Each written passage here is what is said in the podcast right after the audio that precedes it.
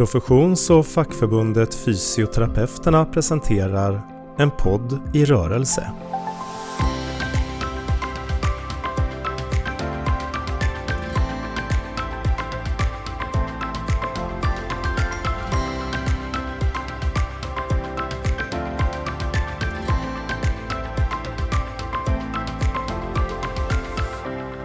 Välkomna till en eh, podd i rörelse. Eh, fysioterapeuternas podd där vi pratar om samhällsaktuella ämnen med samhällsaktuella personer. Och idag så ska jag prata med Hans-Inge Persson. Välkommen hit. Tack så mycket. Våra vägar har ju korsats under flera gånger de senaste åren och jag har fått möjlighet att eh, lyssna till dig vid flera tillfällen. Dels dina erfarenheter inom hälso och sjukvården som närstående och dels kring personcentrering vilket är det som vi ska prata om idag. Ehm, för fysioterapeuterna så är ju personcentrering viktigt och det är viktigt inom svensk hälso och sjukvård och kommer att bli ännu viktigare framöver eftersom det är en av hörnstenarna i omställningen till nära vård. Vid kongressen eh, i november i fjol så fattade vi beslut om att vi ska ta fram en strategi för personcentrerad fysioterapi och hur vi kan arbeta med det. Och jag tror att vi är många fysioterapeuter som, som tycker att vi arbetar personcentrerat redan idag. Ehm, så att ehm, det ska bli intressant att följa det arbetet och se var vi landar någonstans i vår strategi. Men du ehm, Hans-Inge, om du ville börja med att presentera dig själv lite kort? Mm. Eh, ja, under min aktiva tid i livet, som man brukar säga, så arbetade jag 15 år som kommunal förvaltningschef på olika, i olika kommuner i Skåne. Sen eh, arbetade jag åtta år som generaldirektör och därefter var jag en sväng i Bryssel, en sväng på OECD i Paris och lite grann på Nordiska ministerrådet i Köpenhamn. Och idag så känner jag mig som en eh, om jag får använda ett fint uttryck, som en förändringsambassadör för den personcentrerade vården. Det är en titel jag har gett mig själv. Om eh, den här personcentreringen har jag faktiskt på de senaste fyra åren skrivit fem böcker. Och i nästa vecka kommer den sjätte. Mm. Det är professor Bodil Jönsson och jag som är redaktörer för en, en, en bok som handlar just om den goda nära personcentrerade vården. Och där vi låter tio brinnande ljus, Anna Nergård, Lisbeth Löpare Johansson, Sara Riggare skriva var sitt kapitel. Sen har jag många formella uppdrag idag i vården. Eh, vårdanalys, jag är så kallad spetspatient och då knuten till Chalmers och eh, jag föreläser på SKRs ledarskapsprogram och för ST-läkarna. Men alltså den här erfarenheten jag har från eh, min aktiva period.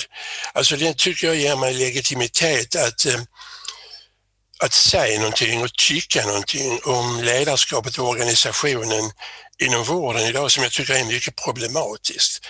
Och jag tänker då på fjärrstyrningen, jag tänker på detaljregleringen av medarbetarna, jag tänker på den starka hierarkin. Man administrerar ihjäl er nästan. Eh, ledarskapet som inte sällan är frånvarande, stuprörsorganisationen och så vidare. Och eftersom mitt ledarskap var ungefär precis det motsatta eh, så försökte jag arbeta med att bygga tillit till medarbetarna, precis som tillitsdelegationen säger idag. Styr du bara med balansräkningen så skördar du ännu sämre ekonomi. Styr du med tillit och tydliga mål så skördar du det, men också bättre ekonomi. Så eh, jag tycker jag har fog för att tycka. Mm. I, I någon av dina böcker så, så är det en berättelse som jag har tagit med mig i mitt ledarskap. Jag tror det är så här, du kommer hem och så frågar din fru dig, vad har du gjort på jobbet idag? Och så säger du, nej jag har, inte, jag har inte gjort så mycket. Jag har mest pratat med folk och fikat och varit närvarande och så. Eh, och den, den har jag tagit med mig och tänkt på när jag har varit på mitt jobb. Jag har jobbat som mm. chef i Region Skåne att, eh, att vara där, att lyssna och att vara bland medarbetarna blir ju en, eh, en väldigt viktig del av ledarskapet och också känna att man kan vara nöjd efter en sån dag. Ja. ja. Vad roligt att du tar den bilden till dig, för jag tycker den, den säger om, om mitt ledarskap, så, så säger den egentligen allt. Mm. Um, mm. Men om vi kommer in lite på det här med personcentrerad fys mm. inte fysioterapi, personcentrerad hälso och sjukvård. Och vi tänker att um, om du skulle, vi kommer komma tillbaka till ledarskapet, för jag har mm. lite funderingar kring hur det kan hänga ihop. Mm. Men om du skulle beskriva personcentrerad hälso och sjukvård, mm. hur beskriver du det då? Ja, alltså jag pratar ofta i bilder, så får jag börja med en, en väldigt banal, enkel bild, en anekdot. Mm. Eh, alltså alla som har passat alla som har barnbarn har passat dem eh, när de är i förskoleåldern. Eller alla som har barn i förskoleåldern känner säkert igen den här berättelsen. Man är på lekplatsen med det lilla barnet som springer runt med de andra barnen och leker och faller och ehm, eh, skravar eh, sitt knä. Och hon gråter i himlens höjd och man kan till och med upptäcka en blodsdroppe. Så tar man upp henne i sitt knä säger inte så mycket inledningsvis men låter henne känna att hon är hos en livslevande människa. Man trycker henne till sig och hon känner sin värme, min värme. Så efter en stund så säger jag, det där var inte så farligt, det går snart över. Och eh, så sätter jag på ett Pippi Långstrump-plåster. Och efter en stund har hon slutat gråta, glider hon ur mitt knä, springer bort och leker med de andra barnen. Alltså varför berättar jag den här banala historien?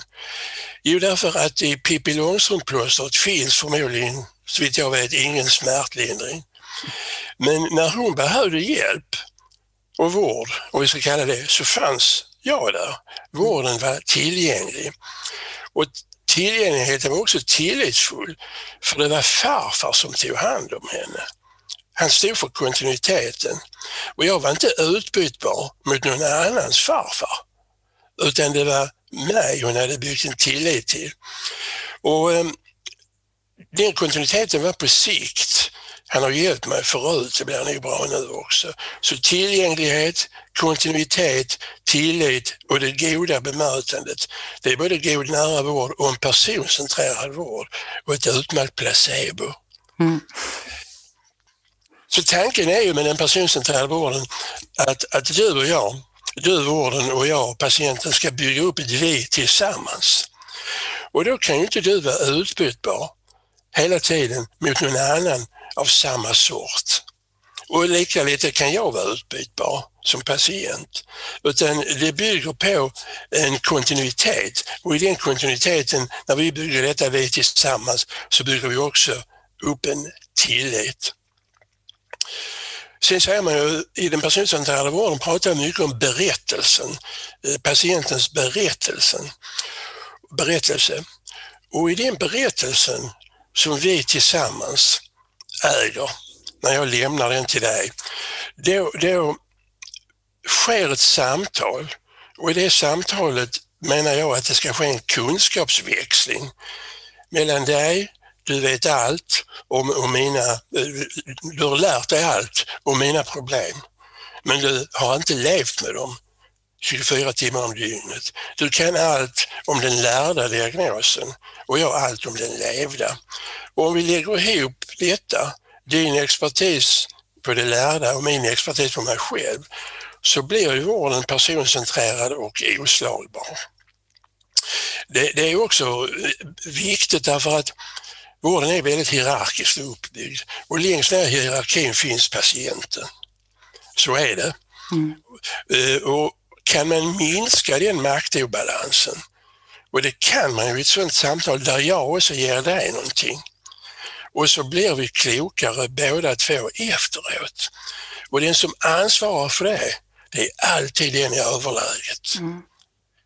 Eh, lite grann så tänker jag på den person centrerade vården och att vården ska ha någon slags dubbelseende. Kunna se mig både som patient och som en livslevande människa. Ehm, och att vi använder våra kompetenser tillsammans. Vi brukar säga inom den personcentrerade vården att jag ska bli en partner i vården. Och det är lite mer än att samarbeta med mig. Jag ska vara aktiv.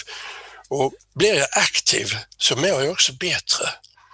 Och det är din skyldighet att plocka fram den kompetensen hos mig som patient att kunna vara aktiv. Mm. Det blir nästan som en del i ert, ert team känner jag. Ja, mm. Jag tror en del av nyckeln ligger i det du säger, att gå från att samarbeta till att bli en partner. För jag tänker att det är nog många som tycker att man jobbar personcentrerat genom att vi gör individuella anpassningar, vi har mm. individuella träningsprogram, vi gör individuella bedömningar. Ehm, men då blir det ju mer av ett samarbete än ett mm. partnerskap, tänker jag.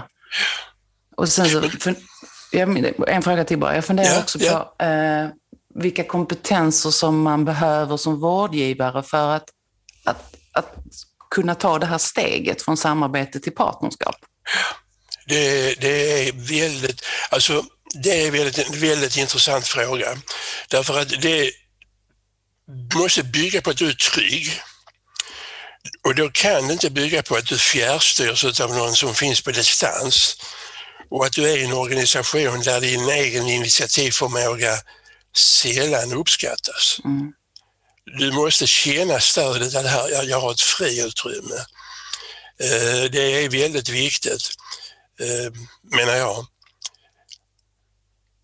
Sen mm. är det så också att, att eh, det här goda bemötandet i partnerskap och, och där man försöker bygga ett partnerskap, det, det, är väldigt viktigt tror jag att, att man frågar patienten. Hur upplever du detta? Upplever du detta att, att jag arbetar personcentrerat? För det är på något sätt patienten som har tolkningsföreträde mm. på om du arbetar personcentrerat eller ej. Alltså jag kommer ofta till ställen där man säger vad kul att du är här Hansi, men vi arbetar redan personcentrerat egentligen. Och då tänker jag, hur vet du det? Mm. Det, det, är jag, det är jag som ska säga det. Vad kul att du... Ja, precis. Mm. Mm. Eh, eh, en annan viktig sak är det, det vi är inne på, samtalet. Eh, samtalet hör ju väldigt nära ihop med det goda bemötandet.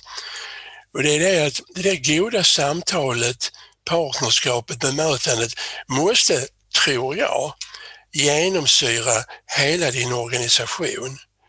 Från chefen till medarbetarna, alla medarbetarna.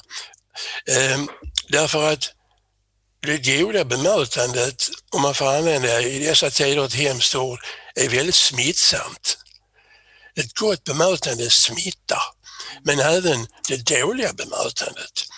Så går du in i fikarummet eller in till chefen och blir dåligt bemött, så blir du nersmittad och går ut bland patienterna och smittar dem med dåligt bemötande. Mm, mm. Men som tur var är det också omvänt. Så med det vill jag säga väldigt mycket, även att personcentrerad vård, att utveckla det är ett tillsammansjobb. Ett tillsammansjobb. Mm. Tillsammans är ett av värdeorden som vi har i fysioterapeuterna, så det känns ju bra då. Inte jag, vet, jag vet det. det är ju ett ovanligt ord. Jag kollade det. Man köper en billig poäng där. Ja, ja precis. Mm. precis. um, Men hur tycker du att det ser ut i landet då? Du har träffat jättemånga människor, du har rest runt mycket, pratat om detta och har yeah. ett jättestort nätverk. Yeah. Hur skulle du säga att vi ligger i utvecklingen av personcentrerad hälso och sjukvård? Ja, alltså om jag inte eh, intalade mig själv att det går väldigt bra och det går full fart framåt så skulle jag inte orka. Så det blev något slags placebo för mig att intala mig att det här går bra. Mm. Men um, jag ser ju bekymmer. Ett bekymmer är att jag märker att nu har personcentrerad vård sen framförallt eh, Anna Nergård nämnde, nämnde begreppet i sina betänkanden blivit så att säga okejade från högre ort och nästan blivit modeord. Så nu hittar jag i många verksamhetsplaner att man slänger in ordet personcentrerat. Mm. Och, och eh, det oroar mig att, det, att ordet förflackas.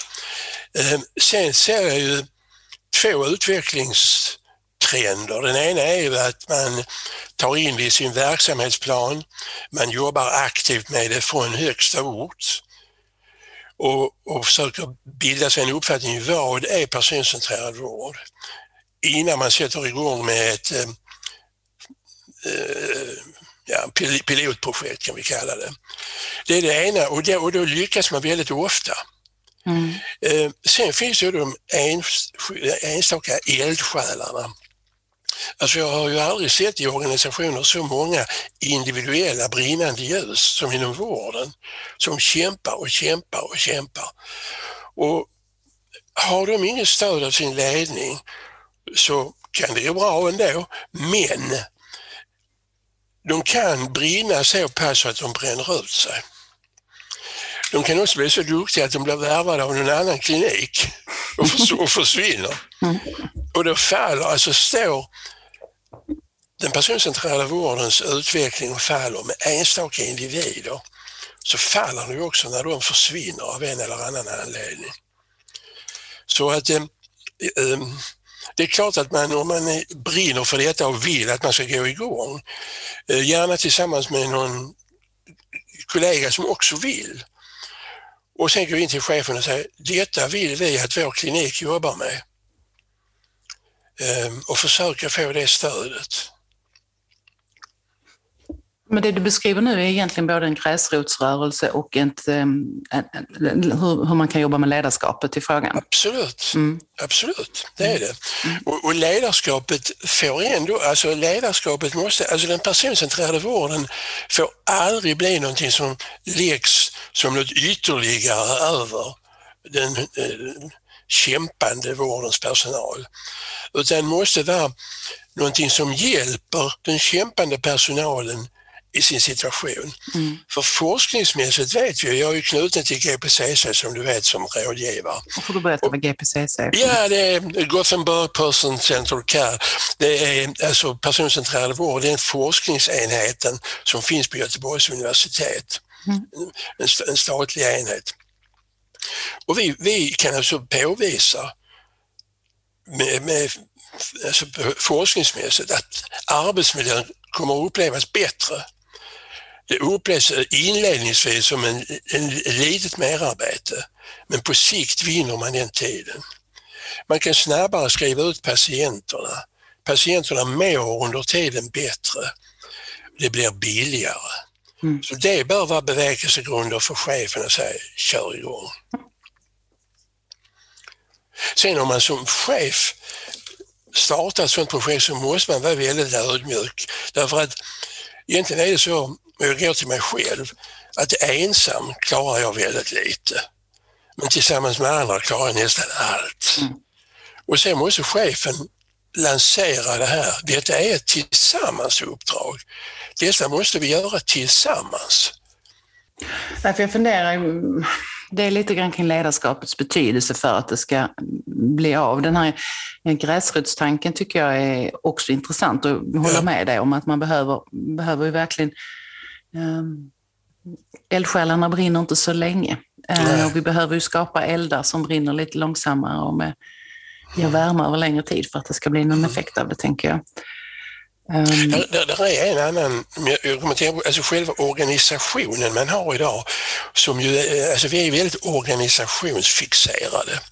Alltså vården är uppbyggd i olika stuprör. Och i de stuprören finns kompetensen och ekonomin inlåst utan incitament för samarbete. Och eh, så om det kommer en multisjuk person till vården och så kliar man sig i nacken och säger hur ska vi passa in den här patienten i vår stuprörsorganisation? Alltså organisationen är viktigare än den levande mm. människan. Alltså det måste vi också vända på och säga här kommer en multisjuk person. Hur ska vi anpassa vården efter den personens behov? Och då menar jag att, om jag får använda en bild på nytt, då blir det som om patienten sätts inför en symfoniorkester med fantastiska solister. Men de har en dirigent. Det är en dirigent och det behöver då patienten en dirigent med alla sina specialiteter bakom sig. Och det samordnas för mig på ett sånt elegant sätt så jag märker inte ens att jobbet dirigenten lägger ner. Mm. Jag kan bara applådera när jag blir frisk. Så det är också en del av den personcentrerade vården, att organisationen måste vara för mig och inte tvärtom. Det där liknelsen med orkestern yeah. har jag läst även när det gäller hur man jobbar tillsammans i grupper. Att yeah, man liksom, om man är en ny orkester och ska börja arbeta tillsammans, så att man istället för att sitta och fila på sitt eget instrument så behöver jag liksom spela tillsammans med de andra för att um, vi ska få det att låta bra tillsammans. Ja, ja. Ja, så det, är- det är en användbar liknelse. Ja, det är det. Ja. Men vi kan väl spinna vidare lite grann på ledarskapets betydelse. Om vi nu tänker på dina, dina erfarenheter, det du har med dig och den kunskapen du har. Liksom, hur, ehm, hur, kan, hur kan jag leda för att skapa en personcentrerad vård? Eh, och hur kan jag liksom leda för att in, initiera detta i de verksamheter där jag arbetar? Ja, alltså, jag sitter faktiskt i, i ledningsgruppen för eh, Borås sjuk, sjukhus, Södra Älvsborgs sjukhus. Ehm, och där ser vi alltid till att, alltså där ställer jag alltid frågan när man motiverar ett beslut. Hur har detta, alltså vilken nytta har detta för patienten? Mm. Alltså att man aldrig glömmer det. Alltså I den här hierarkiska organisationen som vården har så är det så lätt att kommer du tillräckligt långt ifrån det är en situation där vårdens värde uppstår. Vårdens värde uppstår bara på ett enda ställe där jag möter, jag som vårdperson möter patienten. Allt annat är ju stödfunktioner. Alltså till början måste man ha det klart för sig. Att det vi gör nu, det ska så småningom landa hos patienterna. Ehm, sen tror jag att om, om vi ska prata om ledarskapet för den personcentrerade vården, att ledningsgruppen på ett sjukhus måste börja, om man, om man nu bestämmer sig att detta sjukhus ska arbeta personcentrerat, om vi nu pratar om nu sjukhusvården, att man samlar ledningsgruppen för att det är ju de som så småningom måste driva detta tillsammans i uppdrag ändå och se till att det, det fungerar. Så alltså kunskapen om vad det här är, att inte många säger ja men vi gör redan detta, vi är så snälla mot patienterna. Att, eh, Det är väldigt viktigt. Och att man då också inledningsvis avsätter tid Mm. för den eh, så att säga patientnära personalen att få fundera, tänka efter. Hur ska vi förverkliga detta? Och eftersom jag i grunden är pedagog så vet jag att den bästa formen av pedagogik det är det kollegiala lärandet. Och det betyder för mig att man besöker någon på något annat sjukhus i närheten som har börjat jobba med det här och frågar dem hur började ni? Mm. vad, gick fel? För det är inte så dumt att veta, för allting kan ju inte ha gått rätt. Och så åker man hem och så återkopplar man. Nu har vi hamnat här, hur tycker ni vi ska gå vidare? Ja, vi gjorde så här. Alltså det kollegiala lärandet är ovärderligt. Mm. Ja, och där blir, ju, där blir ju ledarskapet väldigt väsentligt för att Ja. liksom ge tiden och för att ge Exakt. eh, incitament till att göra de här besöken. Exakt. Mm. Och jag tycker ledaren ska själv också tänka, är det någon som är bättre på detta än jag? Mm. Och prata med någon, någon ledare någon annanstans som han, han eller hon vet är, är duktig på personcentrerad vård och har lyckats. Mm. Mm, och vi skiftar perspektivet lite. Du har ju du har varit inne på det. Vi har pratat om att en, en gräsroten och hur man liksom som, som medarbetare själv kan eh, också driva igång ett arbete kring personcentrerad hälso och sjukvård. Men om, du, om jag då som medarbetare i vården, som fysioterapeut på ett lasarett eller en vårdcentral eller inom kommunen, om jag liksom känner att ja, men, alltså vi, vi saknar det här med det personcentrerade förhållningssättet och vi behöver liksom komma igång med detta. Vad ger du mig för, för råd då, förutom att hitta en kompis? Ja, ja för det var ju viktigt. Mm. Den tycker jag är viktig. ja, Mm. nej men det, det, det är ju inte fel att bjuda in någon som, som, som eh, ger stimulans och som talar om att det här är inget nytt projekt som läggs på era redan tunga axlar, utan det här kommer att underlätta för er. Eh, Att bjuda in någon som under ja, en halvtimme, tre kvart inspirerar, jag tror det kan vara en god start Mm. faktiskt. Eh, Och sen finns det ju eh, studiecirklar, GPCC, eh, forskningsenheten vid Göteborgs universitet, har ett spel som, ja, ja, som är, jag, jag har faktiskt inte lyckats med den högsta graden, jag skäms för att säga det. Så, att, så småningom blir det ganska avancerat. Ja, det känns ju bra för en annan då. Ja, jag tänkte det. Jag tänkte det. Det är väl bra att vi talar om att vi är alla människor. Mm, mm. Mm. Men det, hur, för nästa fråga blir hur man utvärderar det, tänker jag. Nu har GPCC gjort mycket studier och så, men om vi tänker oss att mm, på, en klinik så vi är inte, vi är inte forskare och vi har liksom kanske inte den tiden att, att göra det så, mm, att göra forskning av det. Men hur, hur utvärderar vi personcentrering och hur kan vi liksom se att um, nu har vi kommit alltså, en bit på väg? Så glad jag blir av att du ställer den frågan. Över, över att du tänker på detta. För det är inte, det, alltså många tänker inte på det här, att det här ska ju utvärderas. Har vi lyckats? Och, och detta kämpar jag med, med många av de som redan är igång. Mm. Som säger, men vi är redan igång, det går så bra så. Vem säger det? Mm. Jo, men vi märker det, säger man. Och jag tror att man ska, eh, på många ställen har man ju nu patientföreträdare. Eh, och de måste, man måste fråga dem.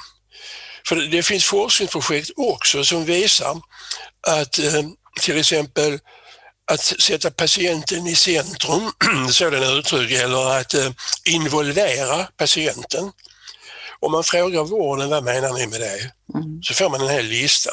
Frågar man patienten, vad menar du med det? får man en annan lista. Mm. Och har man olika listor så kan man ju aldrig mötas. Så kommunikationen med patienter eh, som, som har eh, upplevt personcentrerad vård är jätte, jätteviktig. Mm. Ja men det måste den ju vara tänker jag, för det är absolut, ju det, är det enda absolut. sättet du, du kan utvärdera det på. Absolut. Och alltså jag har många gånger tänkt på, um, ibland när man är på, på apotek och sådana ställen så är det en sån här liten med, med glada och sura. Ja, mm. Att man kan trycka på en sån när man, när man lämnar det. Mm. Kanske. Det, det, tror jag faktiskt finns på en del ställen på vårdcentralerna. Ja, ja, ja, det finns på vårdcentralerna. Mm. Ja. Mm. Uh, det är inte så dumt. Nej. Skulle du säga att det är lättare eller svårare att jobba med personcentrering? Vi gillar ju stuprör och vi har pratat lite om organisation och så. Skulle, är det lättare eller svårare i de olika delarna av hälso och sjukvården? Jag tänker primärvård, kommun, mm. slutenvården, um, glömmer säkert något, omsorg. Alltså de stora sjukhusen är ju tunga. Mm. De är jättetunga. Men, men jag, jag vet att de små mindre sjukhusen är ju, och det är inte konstigt, de är mer greppbara. Mm. Men alltså har du sju, sju, sju chefsnivåer som man har på vissa av universitetssjukhusen mm. så är det ju tungt. Mm. Uh, uh, sen, sen, alltså, sen vet jag ju en, enskilda vårdcentraler, jag vet bland annat en vårdcentral som, som jag stöttar lite. Som, eh, alltså vi har gjort ett fantastiskt experiment. Jag träffar dem eh, en gång i halvåret. Och med sig ska de då ha, jag träffar halva personalen ena dagen, andra hälften andra dagen, ska de ha med sig en situation inom personcentrering som de tyckte inte blev bra. Mm. Varför blev den inte bra? Och så diskuterar vi, den kanske inte kunde, bli, kanske inte kunde gå bättre. Finns det sådana situationer? Men så försöker vi, och, det, och det, det är två saker med den typen av utvärdering. Dels bygger den på en trygghet, en öppenhet. Att jag inför mina kompisar vågar säga, jag kände inte att det blev bra. Hur, hur, vad, vad, var det som var fel? Ofta har de diskuterat det redan i fikarummet mm. när det hände. Mm. Men det, det, är ett enkelt sätt också mm. att utvärdera på små enheter. Tid och reflektion. Reflektionen mm. är ju så himla viktig för lärandet, um, oaktat om det är personcentrerat eller inte. Liksom. Att, uh, att, att få möjlighet, och du har pratat tidigare om det kollegiala utbytet och hur vi kan lära av varandra. Så. Ja. Är det någonting som vi ehm, är det någonting som du känner att vi, vi glömmer att prata om när det gäller personcentrerad hälso och sjukvård? Alltså, det bästa sättet är ju att, att tala om att det här, det här måste ske. att organisationen måste ändras. Och, och, och får jag lov att berätta en kort episod som visar att det här måste ändras. Mm, och det är då stuprörsorganisationen. Jag läste en tidningsartikel för ett år sedan faktiskt i Sydsvenskan. En canceropererad kvinna eh, tejpade man ihop eh, såret på, som man ju ska. När hon kom och man tog av eh, det här tejpen så följde det översta hudlagret med och man tillfogade henne en svår vårdskada. Och då säger man i stupröret onkologen, hudskador klarar vi ju inte av här på onkologen, så du får söka vård på hudkliniken. Mm. Um, I artikeln så frågar man cancersamordnaren, vore det inte cancersamordnaren, vore det inte rimligt att onkologen tog, tog kvinnan och gick till hudkliniken och sa detta tillfogade vi henne. Hjälp henne. Mm. Och då säger man på den här onkolog, den onkologsamordnaren, nej, det där får man göra själv. Mm. Det var på ett stort universitetssjukhus mm, Jag känner igen det, jag har läst ja. också. Ja. Ett annat exempel som är det motsatta. Sundsvalls sjukhus, jag var besökte dem, de jobbar intensivt med detta. Jag var på deras kvinnoklinik. Och om, det, om det är en kvinna som har besvär och man kommer på det här i cancer, då säger man inte du får gå till onkologen, utan man tar henne med sig till onkologen. Och så är hon fortfarande inskriven hos sin doktor på kvinnokliniken som är dirigent med, allt hon behöver ha stöd i. Det är den diametrala skillnaden. Så därför behövs ju en personcentrerad vård och en organisation som är till för personen och inte tvärtom. Det är två väldigt bra berättelser. Eh, var, för det, det jag funderar på som nästa steg är var, var hittar man de här berättelserna? Uh, jag vet att man till exempel på SKRs sida har samlat uh, många exempel, många goda mm. exempel. Um, för det blir också någonting som man behöver om jag nu ska hitta någon som kan berätta för mig hur det ska fungera eller om ja. jag liksom ska bli inspirerad. Och nu befinner du dig i många, många soppor och många sammanhang ja, så du ja. får ju dem till dig. Men jag då som enskild, om jag nu är vårdgivare inom hälso och sjukvården, var, var hittar jag de här berättelserna? Det är ju en jättebra fråga.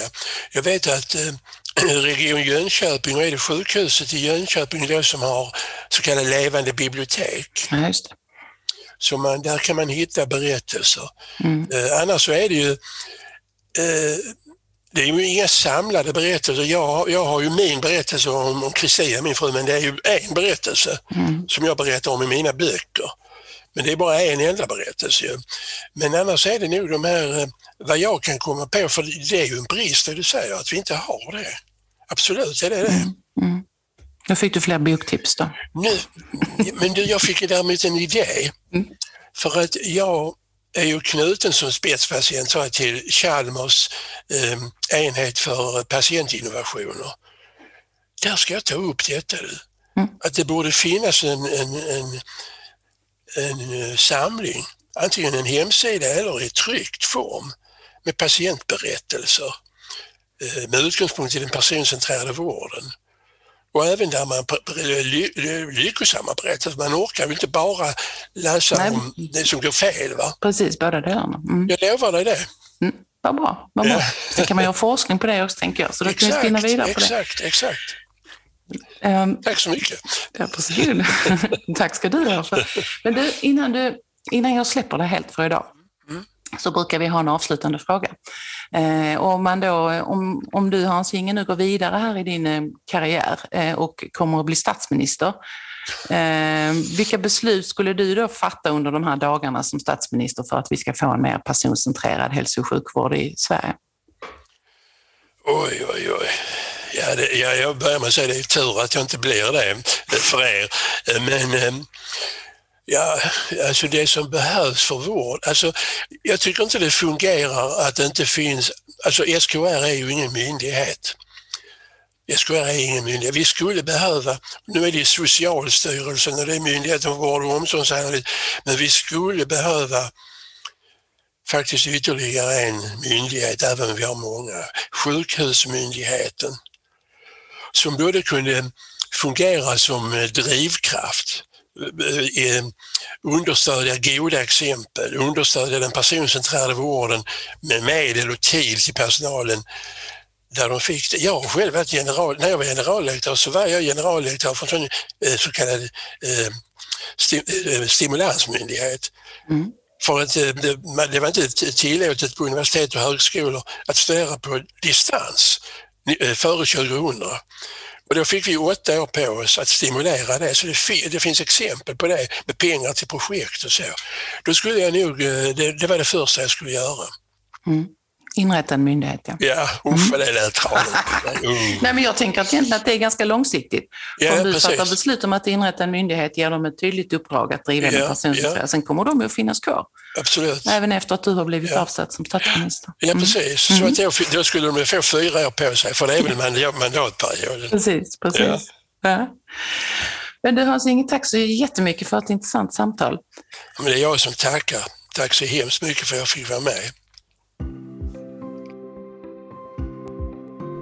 En podd i rörelse presenterades av Fysioterapeuterna.